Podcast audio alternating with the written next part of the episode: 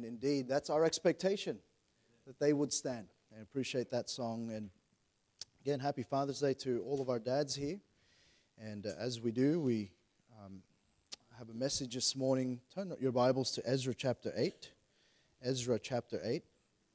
And um, if you didn't hear that, just look at your t shirt. Um, Ezra chapter 8. And um, wanted to encourage you as well about our Bible conference this week. And if you're able to, please come along to that 7 o'clock Wednesday, Thursday, Friday. And on the first evening, we're going to have Pastor Fisher uh, preach for us, and then Pastor Lloyd on Thursday night, and then both men on the Friday evening. And so we're looking forward to just um, being encouraged, being challenged in the Word of God this week, and asking the Lord to, to really just um, meet with us this week. And so please be faithful to that. And then also, we're looking at um, next week is our Heritage Sunday.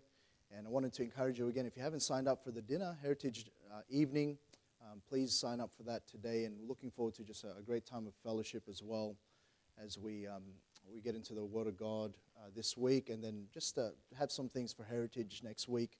And then tonight, I wanted to encourage you also to come along. We've got, we've got missionary Chris Crockett and his family coming and he'll be preaching for us, and they'll be reporting about the work in Romania.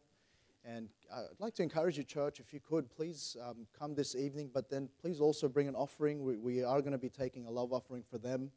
And so you're, if you're able to, please uh, give toward that. And we want to be a blessing to their family. And I'm looking forward to just um, seeing them. And by the way, their, uh, their eldest daughter, Ariella, is getting married next Saturday. And so they're in a, a bit of a transition time, and they, they wanted me to make sure that the, the church knew that you were invited to that. That's going to be at Nepean Baptist Church at midday next Saturday if you're able to make it. All right, turn your Bibles to Ezra chapter 8 this, um, this morning, and we're going to be reading verses uh, 15 to 21 in a little while. Uh, but today is Father's Day. I wanted to give a challenge to our men, but really a challenge to all of us. And, and the, the phrase today are some famous words that really were, were said by uh, a man that is quite infamous in history. His name was Hannibal. And Hannibal was a general of the Carthaginian army who uh, really was ambitious about taking on the might of Rome. And if you understand a little bit of history, Rome was uh, such a power that really they, they had overcome the world. They were, had overtaken the, all, all of the world. They were really the leading civilization of the time. And for this small, uh, small nation to take on the might of Rome was one of great ambition, but to some and many, great foolishness. And, and Hannibal crossed the, the Alps and then crossed the sea. And unlike all of the other nations who waited for the attack to happen and to be overtaken, they took the fight to Rome. They took the fight right to Rome's doorsteps and they stormed Italy. And it's an uh, amazing thing. And, and, and, and the motto that Hannibal uh, really went with was, is the, the Latin phrase, aut viam inveniam aut faciam. And I, I won't test you this morning because I'm never going to repeat that again. But what that means, this is what he said. So, if translated, it's this I will either find a way or make one. And there's just something about men who, in our nature, we want to we want to strive for more. And I think at times we look at the, the great achievements of history. We look at men like Hannibal and we marvel and we even may, may even study and, and see some glimpses of spiritual principle or, or even truth in, in the things that the actions that he, uh, he took. Uh, we look at some of the, the things that we take for granted today that really were uh, precipitated and were, were really as a result of men who wanted to, to take on a challenge I think about the Wright brothers who really were the ones that, that invented flight. And you understand, if you've ever flown in an airplane, just the marvel of that. Um, I'm afraid of heights. Anyone else here? But for some reason, on an airplane, I feel very safe.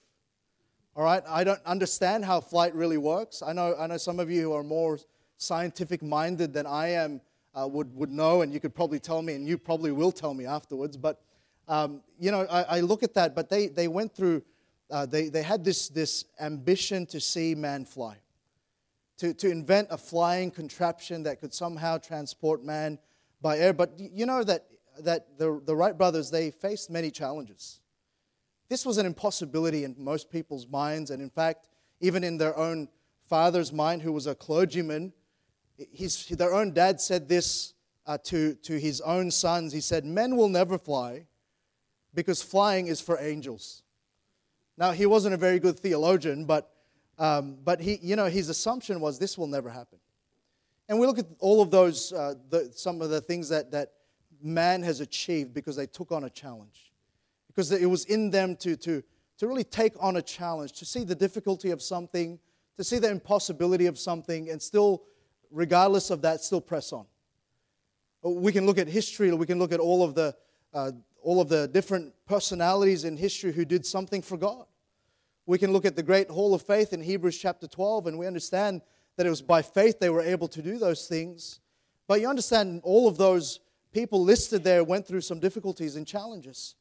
We can look at uh, history in uh, prior uh, after the Bible, and we could look at men like William Carey.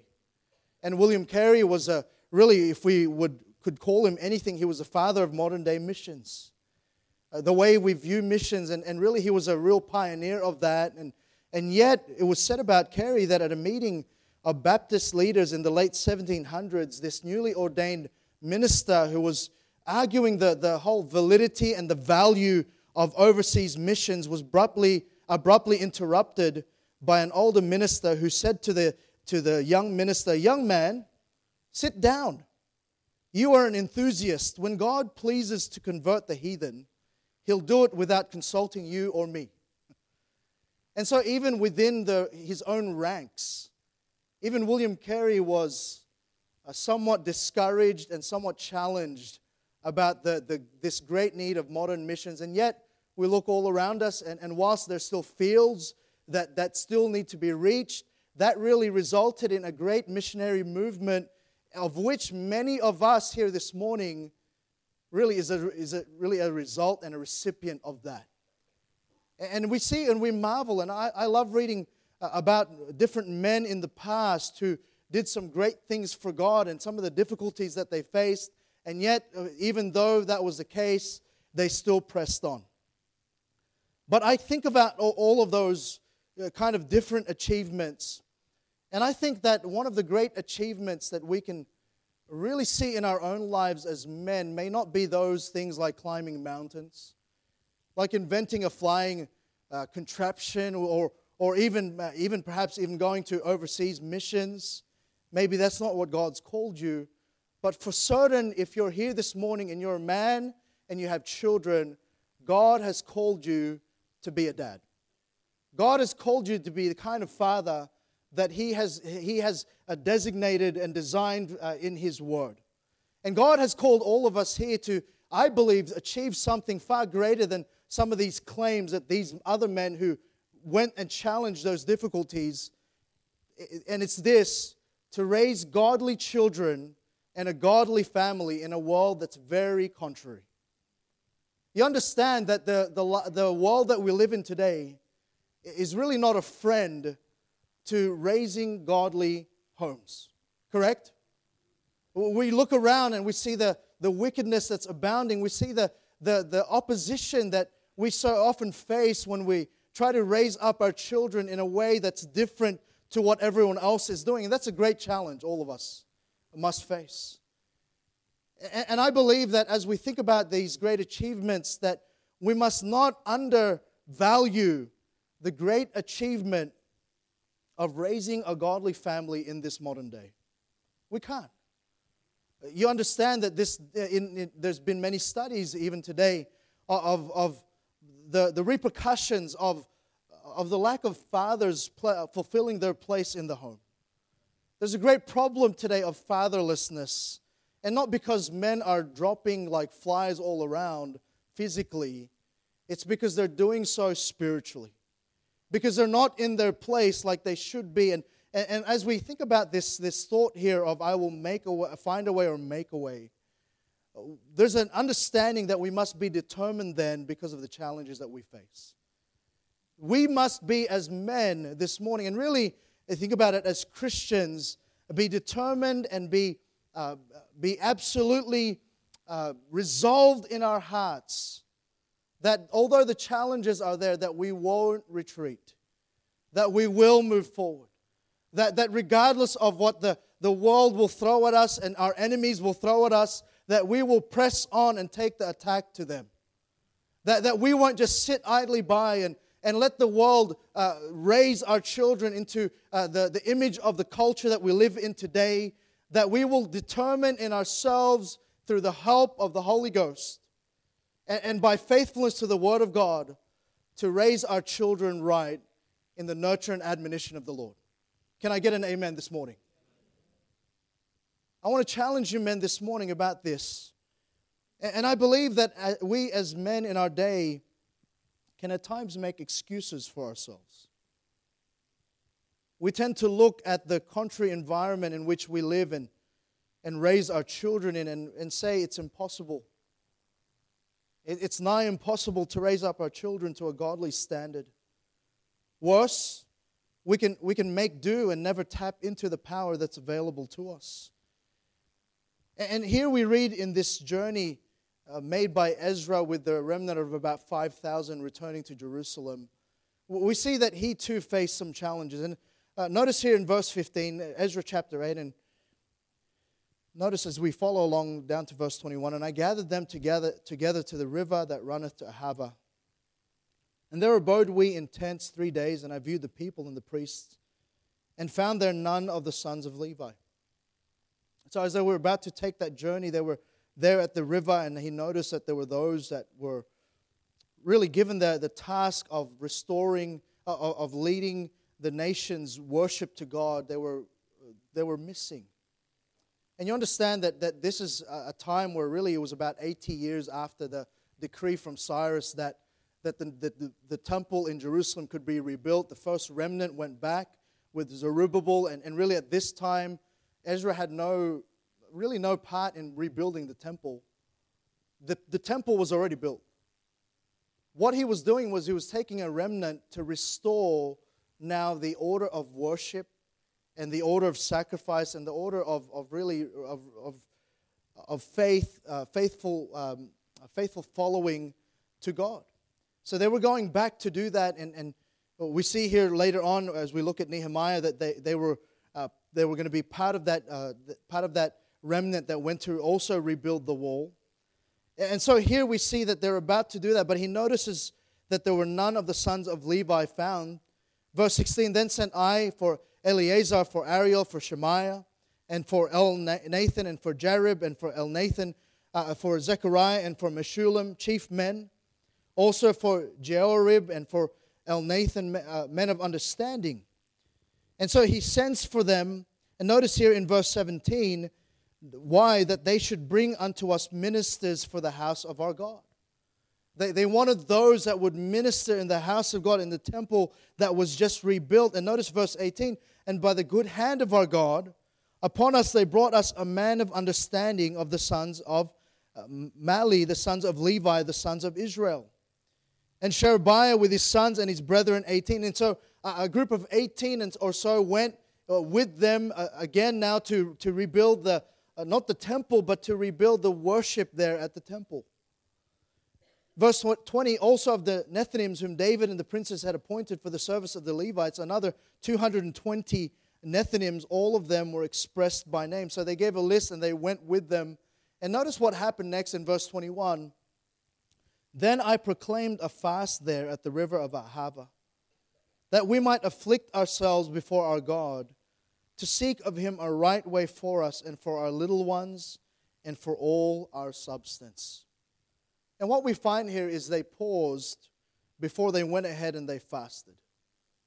He understood the, the great challenge ahead. And, and we didn't read all of the rest of the book, but you understand, if you know, you know a little bit about the book of Nehemiah, it describes a little bit more vividly for us the, the kind of enemies that they faced. They faced uh, some great opposition both within and without the, the camp those that were in opposition to the rebuild of the worship there at the temple were at them and, and were against them. And so along the way, the, there were enemies that abounded that, that stood against the work of God and the, the work that was to be accomplished. Uh, this was a time when there was great, uh, there was great persecution against the, the people of God. This was also the time uh, roundabout of Esther. And if you know the story of Esther, we know that there was a great pro- proclamation against the, the, the, people of God. And so this wasn't going to be a, a walk in the park, so they say.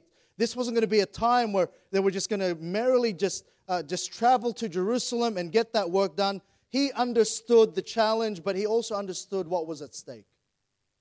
He understood that the, what God wanted to do was to rebuild worship uh, amongst those who had now uh, been part of the society that was rebuilding there in Jerusalem. And, what I'm saying was, this indeed was a difficult time to be one of God's people. And with this in mind, Ezra calls a fast and calls those Levites to come. And what I'm saying is the scene is set.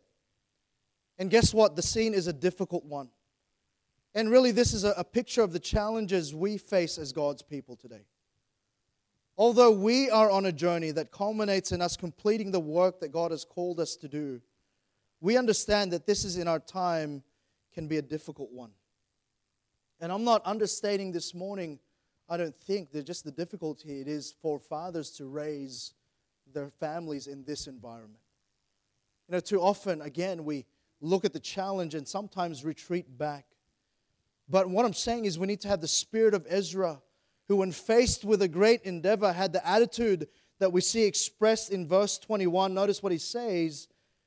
He says there that they're going to afflict themselves before their God. Notice here, to seek of him a right way for us. He had the attitude that although the challenges were there, although the difficulty was there, although the, the, great, the, the, uh, the, the great journey that they were about to take was going to be one of great fear at times and great trepidation, he was going to find a way or make a way. He was going to seek after God to give them the right way. And so this morning, uh, we, we see Ezra uh, having a great desire to see the job done no matter the cost. And hence, we can also express it this way I will either find a way or make one. He could have made an excuse. He, he could have looked at how hard the situation was, yet he kept on going.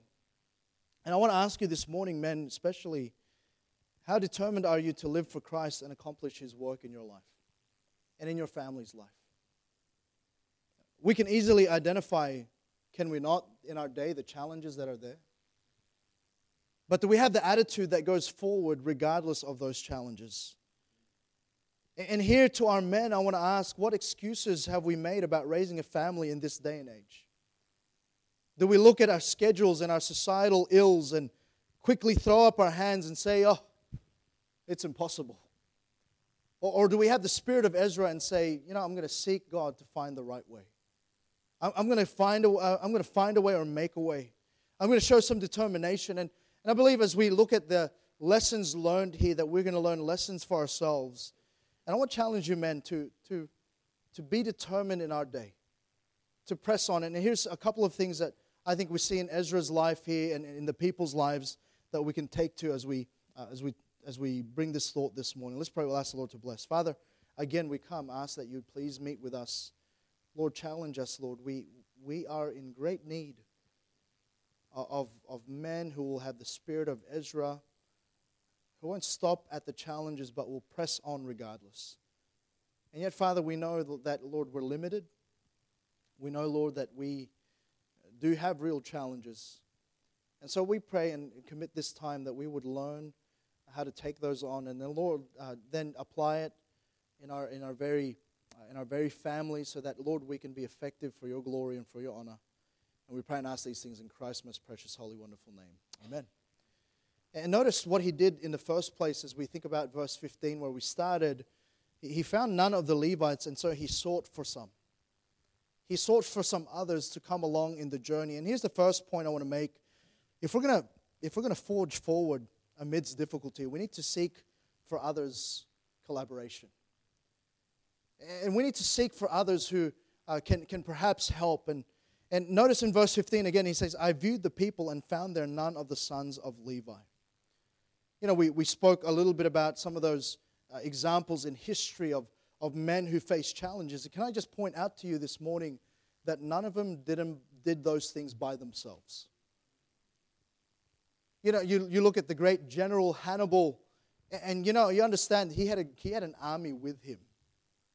He had those who were going to take the journey with him. And, and, and, you know, when we recognize the challenges that we have and the shortage, really, in our own selves of, of, to, to take on this task, we need to firstly enlist the help of others for the work to be accomplished.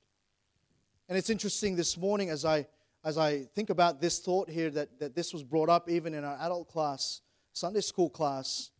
See, part of making and finding a way during these times uh, it, that, that we face is understanding that in ourselves we don't have the means of which to succeed. You know, sometimes I look at, I look at the, the, the nature of man. You know what we are? We, as men especially, we're a prideful bunch, aren't we? We can be, right? A bit prideful. You know how we know? When we're lost, we never ask for directions. You ever fix something? who, who here has a honey-do list? I'm the only one? Man, you guys, I need to, I need to definitely learn from you, all right? But you have that list and, you know, you, you always think you could fix something. What do men do? We try to fix something, and then if we're stuck, we never admit it to our wives, do we? We never go, ah, we never really. We're, you know why? Because we think we can, we can do what we're supposed to do. But the reality of it is this we none of us are perfect, none of us have arrived, and we all lack in some areas. And how, how come we, we take that same mentality when the challenges come? And when those things come along, and, and we try to figure it out ourselves. See, too many Christians go into the battle without recognizing that God has resourced them, and He's resourced them through this others. You understand that God designed the family, but then also God designed the church. It was His making, and guess what? No church is really just one person. A church is made up of different parts. A church is made up of different men, uh, as we speak to the men this morning, and, and none of us men here ought to have the attitude that we don't need help. And I, I, I know that for a fact because I know that many times as I've grown in my walk with God, grown as a young man in ministry, grown as a young husband and a young father, that there's been many times where I've spoken to some of you. And God sent you to resource me in my understanding. He showed me through you a different way, a right way. And you understand that, that sometimes we as men can be so prideful that we're hurting and we're making the wrong choices, and we will never speak up for the pride that is in our hearts. And yet, the, the way to find a way and to make a way is, is many times just in this thought of collaboration. You see, in Ezra chapter 7, verse 6, we understand that this Ezra went up from Babylon, and he was a ready scribe in the law of Moses which the Lord God of Israel had given, and the king granted him all the requests according to the hand of the Lord his God upon him. And we understand that, that Ezra was a ready scribe. It wasn't like he was, uh, he was wasting his time. It wasn't like this man had no, no other proficiencies, that he was absolutely uh, hopeless. He was skilled. He, he was a man that uh, the Bible says God's hand was upon him. So that wasn't missing in his life. And yet, Ezra still understood, even though he had all of those things going for him, that he still needed others to come along in the journey with him. And sometimes we're too prideful when we face challenges to, to, to call out for some help and recognize that we need that. That that's, that's one way of, of finding the way and making the way. And Ezra, as a, as a ready scribe, he sought others of the same calling to strengthen himself for the work. And, and I think as we uh, start with this thought here, we understand then that collaboration happens because we need to be complemented. And not complemented as in you need a compliment. as in we have pieces missing that we need filling in. You know, as, as, as, uh, as people, sometimes we, we arrive to this thought that, that somehow we will just find that out another way. But listen, the way God designed it is through others. And we're going to look at how that's later on, that's also going to be limited. We're going to see how they're going to seek for greater help. But in the first place, we need to understand that none of us here can do without others. We need others. And what it is, is this collaboration really is a form of complementation. And what Ezra understood was there's this, he had limitations, and they were only going to be met by complementation. How do we know this? Because the very first man God created and helped meet or fitting for him. Men, this morning, understand that even, even the, the, the first man, Adam, who was created in God's own image, he was without sin. Yet, God, in looking at him, he said, It's not good for man to be alone. Not because simply he was lonely, but because he needed help. And so at that point, he created woman Eve out of one of Adam's ribs and formed her to be a help that was complementary to Adam. And so don't for, for one second here this morning that think that you're the exception to all of history. You need complementation. You, you, need, you, need to be, uh, you need to be rounded out by others around you. And, and really, as we think about the family in the first place, you need to have some collaboration to complement you, firstly, in that relationship of husband and wife. And can I say to you, uh, to those of you who are single, you need to pray not for what you desire, but for what God desires for your life. Don't just look around and use your your eyes to look at someone that you might be attracted to, that, that's some part of it. But understand this God knows you. And God knows what you're missing, even though you don't think you're missing that thing. And you better pray for someone, for someone uh, that God will send your way to complement your weaknesses, especially you men, because you have many, many of them and some of them you haven't still discovered. And you better look to God so that you can collaborate with one that will complement you. And from the very beginning, Adam was given Eve, but listen, even for the family, God, was God gave the church. You see, the family and the church are meant to work in collaboration because the church is meant to complement the family. The church is meant to fill in those cracks. And, and, you know, sometimes, sometimes we view our family, and, and it is this men, God has given you charge over your family. But don't think for a second that you won't need the help of your church family to be able to round you out. That's why God gave us the church. That's why God gave us a time where we're meant to meet together and be edified in the Word of God because we're, we're missing. And can I just say this to you men? Firstly, make sure that you're in your collaboration with your wife. Can I just say that, that you know, if, if there's some things there in your life that are, are, are not right between you and your wife, then that's the first point you need to look at. You need to get some things right. You know, even your prayers are hindered when you're not right in your relationship with your wife. And can I just say to you, wives, this morning, uh, please follow after God. But if, if, your, uh, if your husband is, is trying to live right and do right, then, then why don't you compliment him? Why don't you come alongside that man and, and realize the great responsibility and the great struggle that he often has? And why don't you come alongside and just fill in those places where you know he's weak in. You don't have to celebrate it. You, have to, you don't have to gossip about it and tell everyone else. No, just come alongside in, in your quietness and in your godliness. Just come alongside and fill in that man.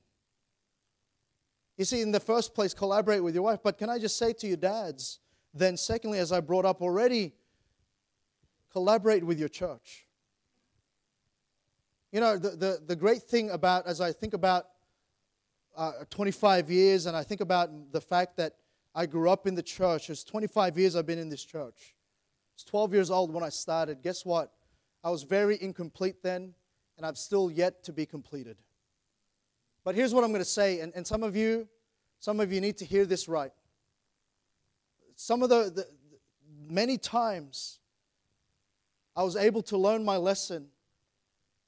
I was able to grow and able to be filled in a little bit was because I was just part of this local church. And not I'm saying that we're perfect, we're far from perfect. But we've got the word of God and it's being preached. We've got, we've got those who have walked with God, who've gone down the road a little bit and have experienced some things and they've learned some things. And how dare we say that we don't need any of that we can figure it out on ourselves. Can I just say, you're full of pride?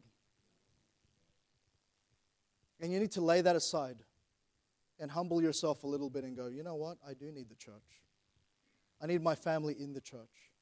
I need my family to be here faithfully because I don't want them to miss out. What if that's the Sunday where, where God will use to, to break down some strongholds or to, to instruct in an area that they're weak in? And, and you know, I, I was telling our, our youth workers this, and if you uh, see in our youth ministry, we're in a bit of a transition at the moment.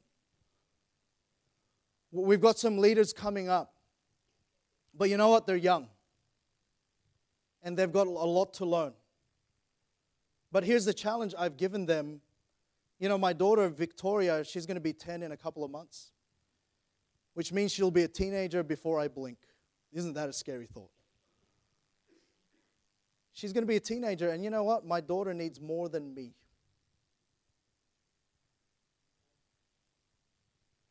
Is that okay for me to say? I, don't want to be her dad, her pastor, and then also her youth pastor.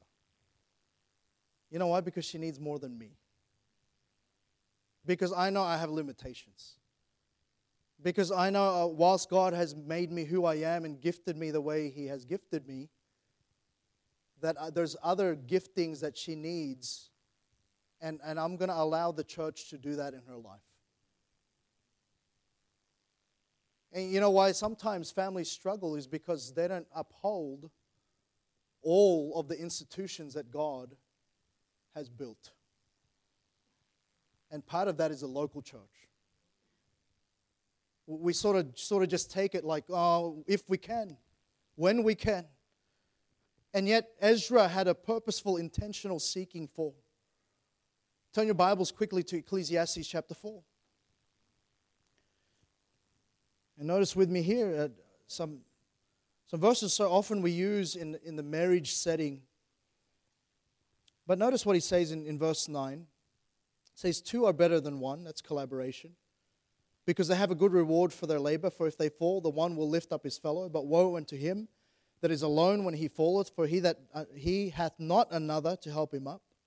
Again, if two lie together when they have heat, then they have heat. But how can one be warm alone? And if one prevail against him, two shall withstand him, and a, tr- a threefold cord is not quickly broken. And what that is, it's, it's collaboration, it's synergy, it finds a way and it makes a way. When, when we have a greater force behind us and alongside us, you understand that there's more options. You understand that you might have gained a different perspective. You understand that you might see some, they might see something that you don't see.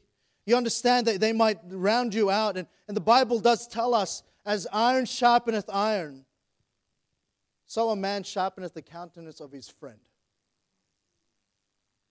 And sometimes we have this idea in our minds like, oh, well, it's just the church.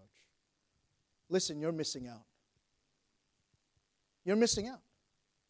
You think you could navigate through this life? Listen, Ezra understood the challenge. Ezra understood the great job ahead. And yet, what it is also, collaboration is not only a form of complementation, but really it's a form of counsel. And I think we all understand here this morning that God's attitude toward counsel.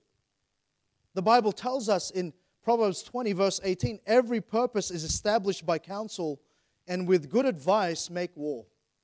How about you? I, I, I think war would be a, it'd be a hard thing to decide whether to do or not. You know, you're talking about building up a troop of, of people to take on another group of people. There's going to be bloodshed, there's going to be great cost, and no person should go into war without really understanding the cost. But the Bible's telling us here, you know, the way you make that decision, the way you take on that challenge is this get good advice, get some counsel. And you know, we have in our world today too many Christians looking for counsel elsewhere. And they're not, they're not looking at the resource that God's already given them. That's the local church. That's the, that's the priesthood of the believers who are in touch with God. And you understand that there's, there's a form of counsel. See, Ezra understood that the future of the nation was only going to be served well by more spiritually knowledgeable counselors. And look at Nehemiah. Remember, I told you Nehemiah was in the picture here. A few years later, Nehemiah comes and he starts to rebuild the wall. And here we see Ezra in the midst of all of that in, in Nehemiah chapter 8. And all the people gathered in verse 1 themselves together as one man into the street. that was before the water gate. And they spake unto Ezra the scribe to bring the book of the law of Moses, which the Lord hath commanded to Israel. And Ezra the priest brought the law before the congregation both men and women, and all that could hear with understanding upon the first day of the seventh month. And he read therein before the street that was before the water gate from the morning until midday, before the men and the women and those that could understand. And the ears of all the people were attentive unto the book of the law. So they were, they were pronouncing the word of God. And notice what happens next. And Ezra the scribe stood upon a pulpit of wood which they had made for the purpose, and beside him stood, and he, he names a few here he names all of these people that were next to him, and Ezra opened a book in the sight of all the people in verse 5. For he was above all the people, and when he opened it, all the people stood up. And Ezra blessed the Lord and the, the great God, and all the people answered, Amen, Amen, with lifting up their hands, and they bowed their heads and worshiped the Lord with their faces to the ground. In verse 8, notice, sorry, in verse 7, so all those again, and the Levites, notice, caused the people to understand the law, and the people stood in their place. So they read in the book, in the law of God, distinctly, and gave sense and caused them to understand the reading. Hey, aren't you glad now that way back at the river of Ahava, before Ezra journeyed further, that he understood he needed to collaborate with those who could actually teach the law? That was his whole purpose, was to restore that order of worship. The law was again to be forefront of the people uh, uh, uh, in their worship. And so he needed those Levites. And we see here that those Levites came in handy. They were able to give the sense and the meaning. They were able to teach and listen. Listen. Too many times we, we disregard the counsel that is found in those who have been in the Word, who are amongst us, and, and we look to those other things, gurus in our lives, and self help books, and all of those things that, you know, from time to time you could read. But they won't, change, they won't change your eternity. But, but the right counsel will. Sometimes what we need is a differing perspective, really, to open up our horizon. You may not find a way, but others may know the way. And so, the first thing we need to do, if we're going to find the way, make the way, we need to seek for others' collaboration. But then notice what he does next. Look at verse 21. Look at Ezra chapter 8. Thanks for listening this morning. Look at, look at verse 21. Notice he says there, then he proclaimed a fast there. See, the next thing is this when we realize that even with human help, we still are lacking, we then, we then need to look to heaven to intervene. And, and collaboration is great, I'm all for it, but it's still limited. What you need is then you need to look to cooperate with all of God's resources, and that includes this we need to seek out God. We ought to co labor with God. That, that's, again, we, we read quickly there in Ecclesiastes 4 the threefold cord. And, and, you know, in your midst, you should not only have in your family your husband and your wife, in the midst of them, you should have the Lord Jesus Christ. And your marriage, again, uh, if I can go back to that, uh, needs the Lord Jesus Christ in their midst. I was counseling with a young couple from another state, and they were really struggling with their marriage, and they were uh, we were talking over the phone over the last couple of weeks, and really burdened for them. And, and you know what? What they were missing, they weren't missing a home, they weren't missing children, they weren't missing any other thing except this: they had failed to walk with God. And so their partnership was incomplete because they stopped seeking God out.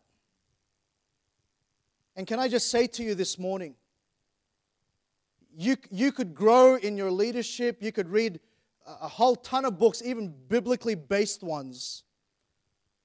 You could tick all the right boxes, you could get all the help you need. But if God isn't sought, then you are still doomed you are still lacking. And we need God.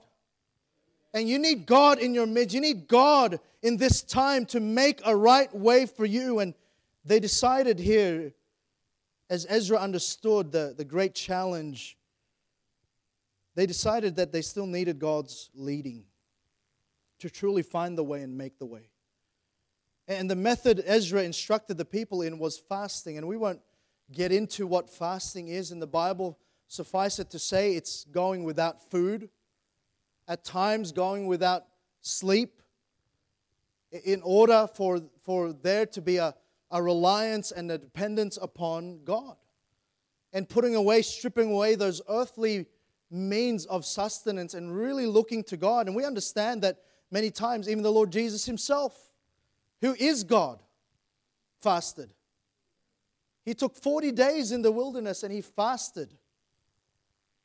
So if you're, you're sort of disparaging about fasting, uh, don't you be, want to be like Christ? And so here, that's fasting just in a nutshell. It's putting away those things so that you can seek God intentionally. So that you could seek Him for your, your, your way. You're seeking Him for those heavy burdens that need to be undone. And, and you're putting away all of those other earthly sustenances and you're, you're sustaining yourself really through God and through prayer. But, but I want you to note then here as he seeks for heaven's intervention, the two things he sought heaven for direction. They were fasting so that they could seek the right way. And there's many ways, isn't there? You could look at other ways, but we need to seek the right way. And often we need heaven's intervention to actually show us the way. And men, I would understand even in my, uh, even in, in just 10 years of marriage, that navigating life at times can be very tricky. It could become, you know, confusing. And so we must look for the perspective of heaven to guide us. You know what that is? It's wisdom. And can I give you good news this morning? The Bible says if any of you lack wisdom, let him ask. And God will give it liberally and he won't upbraid. You see, he says, let him ask, and he gives to all men liberally. You know, the reason why at times we don't see wisdom in our lives, heaven's perspective, is because we don't ask for it. We're not actually seeking for direction and we're not seeking for God's view on things. And, and, and he's saying here, he's not even going to upbraid you. That means he's not going to he's not going to go to you and go, oh, you're asking again. That's what upbraid means, too, to sort of again. And understand this God wants you to ask over and over and over and over again. He wants you to ask. And this morning, some of you, as men, you're, you're looking for direction about a certain issue in the home. You're looking for, for a direction in, in some sort of circumstance in your life, can I just say this? You need to seek heaven's intervention. Yes, get counsel. Yes, find someone who perhaps has some, uh, some perspective, biblical perspective about that. But listen, none of that, none of that puts away this need for you to seek heaven's intervention.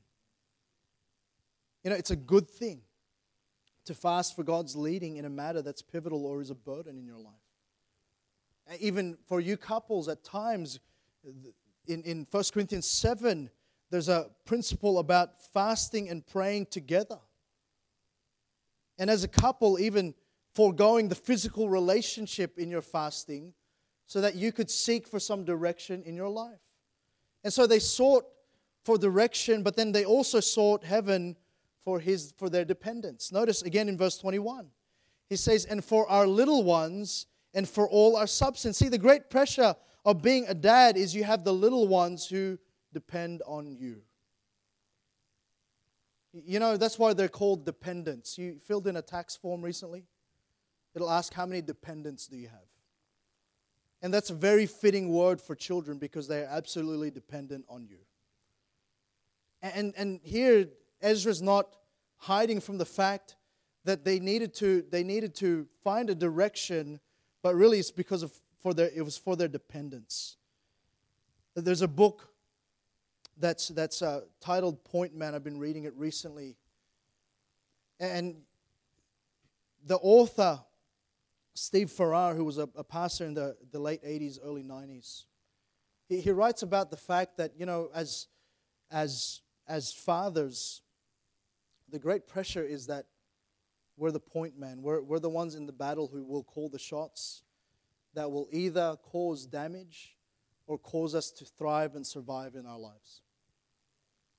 You know, sometimes we look at the different pressures that different people fulfill. You might look at, oh, the pastor has a lot of pressure oh, the, the, you know, the, the local member, the prime minister, all of those people in leadership, they've got great pressure. But listen, none of them can do what you can do for your family. None of them. You're, you're the one, you're, the, you're, you're going to lead your little battalion, and there's, there's, there's spiritual landmines everywhere, and there's enemies waiting to, to hunt you down and shoot you down and yet we look and we don't ever seek for intervention. From heaven, you need the wisdom of God to do this. You know, you need God's perspective. You, you, ever, you ever picked up your little one and, you know, I'm so glad Jaden's going to turn four this week. And I know we just, there was a first birthday recently, wasn't there, Peanut? And you know, those little ones, all they can see is from their level. They're crawling, they can only see. But you know, when you pick them up, they get a different perspective. They start to see the, diff- the overall landscape of things, and suddenly they see where you see. And, and you know what? That's what God's offering. If you want to, you want to get the right way for your children, dads, you need to be lifted up by your heavenly Father so you can see what He sees. And too many times we don't seek that, and yet that's how we find a way and we make a way. And then, lastly, really quickly, notice verse 22 says, For I was ashamed to require of the king a band of soldiers and horsemen to help us against the enemy in the way, because we had spoken unto the king, saying, The hand of our God is upon all them for good that seek him. And here's, here's the last thing. As, as we think about making a, finding a way and making a way, we need to seek for others' collaboration. We need to seek for heaven's intervention, but then lastly, we need to seek for God's glorification. And here, sure, Ezra could have gone back and, and he, he had the favor of the king, of the government of the day. But, but he understood that their testimony was at stake. And when their testimony is at stake, God's testimony is at stake. See, when we acknowledge that our true help is from God, then his testimony and his name is what we seek to glorify. And perhaps what will ultimately help us find a way and make a way is to see what is truly at stake it's not just our family, although that's very important, isn't it?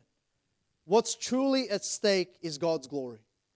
And too many men give up in the face of adversity because they find their motivation in temporal and less significant terms.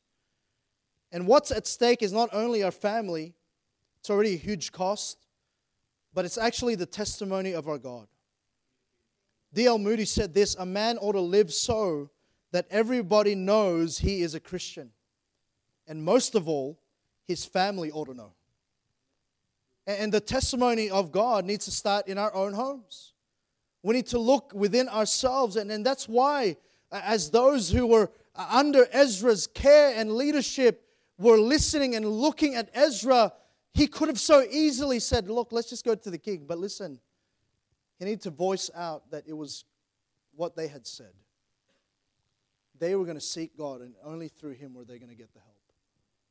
And so he understood that his testimony before the very people who were there needed to be firstly right. And do we glorify God in our homes? Hey, listen, if we were to um, ask the same children that came up here to hand you the t shirt to tell us about your week, what would they say? What would they say about what you watched on TV? What would they say about your language toward your wife, toward your husband, wife? What would they say about how, they, how you treated them? That's pretty confronting thought. You know, I said that because my children weren't here. But, you know, too many times we take that for granted, but it needs to start there. And then beyond that, we understand then that, that the, the Christian home, it, it ought to be a testimony. Someone said it this way the family circle is the supreme conductor of Christianity. And I agree with that. You know, God designed the family unit to reflect His order and His design. And why do you think it is today that the family unit is so under attack? Why do you think today, hey, listen, wake up this morning. We're in a battle. Why do you think it is that there's, there's all of this, this conjecture about what the family actually looks like when God said it in His Word? It's a husband and wife with his children. Why do you think it is that it's so under attack? It's not love is love. The truth is at stake. Too many times we look at that and go, oh, well, it's just the day we live in. Oh, it's even funny. Listen, it's not. God takes it seriously. And so God looks at that and he says, you know, the, the, the thing that's going to picture what, my, what the gospel is sacrifice, love, it's that husband and wife relationship. And then the children. That's going to picture me. That's going to picture the, my design. And he often referred to the church, didn't he, as a household, as a family. And our family then can be a good reflection of the gospel or a poor representation of it. And how was Ezra going to find a way? He needed dependence on God, not on earthly supply. See, too often we rely on this world's way rather than depending on God. And, you know, that's why we ought to look to God and how we ought to raise our children. That's why we ought not to let popular opinion drive our thoughts and the way we look at raising children in our day. We need to look at the Word of God. And, you know, what's unpopular today is discipline. Yeah, sometimes we look at that and, oh, spanking's so old fashioned. Listen, spanking still works. Right, church? It still works, okay? You children are on notice again. Right, the Bible says, don't spare the rod, you'll spoil the child. And some of you here, you you think you know better than God. Listen, you don't. I don't. And God has His way. That's just one example. There's many other examples, but we need to have our dependence on God. See, we need to have our sight on the glory of God, not the easy way out. And, and can I just say the glory of God is often not the easy way out? It's often the hard way. It would have been easier for Ezra to say, you know what, uh, we can go back to the king and he'll, he'll bring us all that we need and we'll have a safe passage there. But listen, God's glory was at stake. And what happens when we go against what we stand for? We diminish the name of God before those who need God most. See, it's easy to go with the flow, it's hard to swim upstream. And yet, the essence of Christianity is to endure because Christ endured. And can I remind you that in Hebrews 12, it says, Looking unto Jesus, the author and finisher of our faith, who for the joy that was set before him endured the cross, despising the shame, and is set down at the right hand of the throne of God. You understand what the Lord Jesus went through. Maybe you're here this morning and you're not saved. You've always thought that religion somehow could buy your way into heaven. Somehow you could work your way. Somehow you could be good enough. Listen, the, the reason why the Lord Jesus came was to not only live a perfect life, it was to come to a place where he was going to be willing to lay down his life. And he endured such torturous things as being spat upon, having his beard pulled, having a crown of thorns placed upon his head and beat down upon it over and over again. And as he bled there, he carried the heavy burden of the cross. And finally, he was set there and he was nailed upon that cross. You know why? You know why he endured that? For the joy. For the joy that many of us here this morning would one day believe on him and be saved. And listen, that's the offer he's given you. You know what? He didn't take the easy way out. He wanted God to get the glory. And he was God. And can I say to you this morning, if you're not saved, religion won't do it. Your good works won't do it. Listen, you're, you're at a place where, where you're under judgment for your sin. The wages of sin is death. But the gift of God is eternal life through Jesus Christ our Lord. And He did it for you, He did it for me. And can it be today that you accept Jesus Christ as your Savior? Listen, can I just tell you that God loves you so much that He willingly laid down His life? And you know what? The Lord Jesus found a way and He made a way. Why? Because He was determined to give God glory. And listen, maybe this morning you're thinking of just temporal means and temporal terms, that's not enough motivation. If you're truly a child of God, then you'll understand that the glory of God is what it's, what's at stake. And Ezra understood that God's testimony was greater than doing it the easy way. And we see Ezra here. He was a, a man of faith. He was a man who looked at the challenge and, and still kept on going. He found a way, he made a way. You know why? Because he sought the right way. And can I encourage you this morning to seek the right way? Can I encourage you, dads, to once again come to a place of surrender? Maybe you've just been seeking another way, you've just been going your own way, and you need to surrender that and you need to seek the right way. Can I say to you, single, single young men and ladies preparing for marriage, can I just say that, that you need to seek the right way already? You need to surrender all of those, those uh, preconceived ideas about marriage and about raising children, and you need to have a holy determination that when the going gets tough and the challenges come your way, that you're going to find a way and you're going to make a way because you're seeking the right way. And, and, and, today's Father's Day. I hope you enjoy the rest of it, but, but listen, not before we do some business with the Lord. Let's pray. Father in heaven, thank you, Lord, for the time you've given us. Thank you, Lord, for opportunities to be challenged in specific ways. And Father, we are under no illusion how difficult it is. And really, if we don't see the difficulty of it, we're not in it. We're, we're telling ourselves a fairy tale.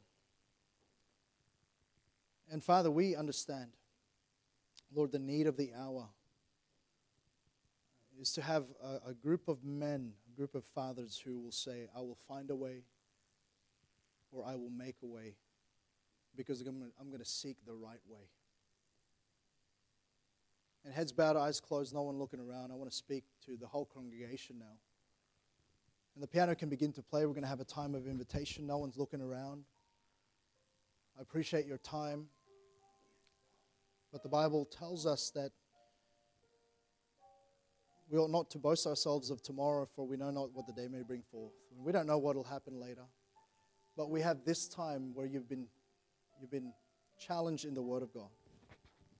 And I want to ask you this firstly to everyone here, not just the dads. If you were to die today, the Bible tells us it is appointed unto man once to die, and after this, the judgment. But if you were to die today, would you know for sure that your sins are forgiven and heaven's your home? Has there ever been a time where you've trusted the Lord Jesus Christ as your Savior? See, the Bible tells us, For by grace we are saved through faith, not of works, lest any man should boast. And, and all of those works, religious or not, won't buy you into heaven. No, the Bible says you've come short of the glory of God. And you need Christ. He says, I am the way, the truth, and the life. No man cometh unto the Father but by me. Is there anyone here this morning, just with an uplifted hand, just say, Pastor, pray for me? I'm not sure. I've considered your question, if, and truly, I wouldn't know. I wouldn't know where I'm going. I don't know if my sins are forgiven. Is there anyone here this morning, just with an uplifted hand, just say, Pastor, pray for me. Pastor, pray for me. I'm not sure. Pastor, pray for me. Anyone here?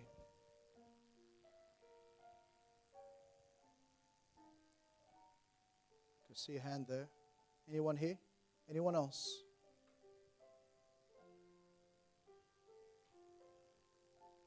I trust then, then you're saved. Can I just then speak to our families and particularly our dads here? I wonder how you've been traveling. You know, it can get weary going through difficulty. Can go, get weary when we're constantly bombarded with this world. I wonder if you've been weary in your well doing and you've just you just needed a, a bit of a bit more wind in your sail and you just want to keep going for the Lord and just say, Pastor, i am trying, but I just want to keep going. Would you pray for me? Would you pray for me? Is anyone here? Just say, Pastor, pray for me. I want to keep going. I want to keep going. Yep, I see those hands. Anyone else? I want to keep going. I just want to keep going for the Lord. And, and I, don't know, I know the challenges, but I, I'm going to rely on those things that we spoke about today. Anyone else? See those hands. Thank you. I see those hands. Thank you. Let's all stand to our feet, and I want to challenge you this morning, especially our men. Why don't we make some an altar this morning? Why don't we pray for our families? Maybe you have a friend who who's going through something, and you just need to pray for them. Why don't we take some time and, and can I just say to our dads, especially, why don't you do some business with the Lord this morning? Why don't you just seek God out? I don't know what, what's going on in your lives and, and the hurts and all of that, the challenges, but why don't we take some time? I want to ask our men, why don't we form an altar this morning? And if you're a lady, you want to pray in your spot, I want to challenge you this morning as a piano plays.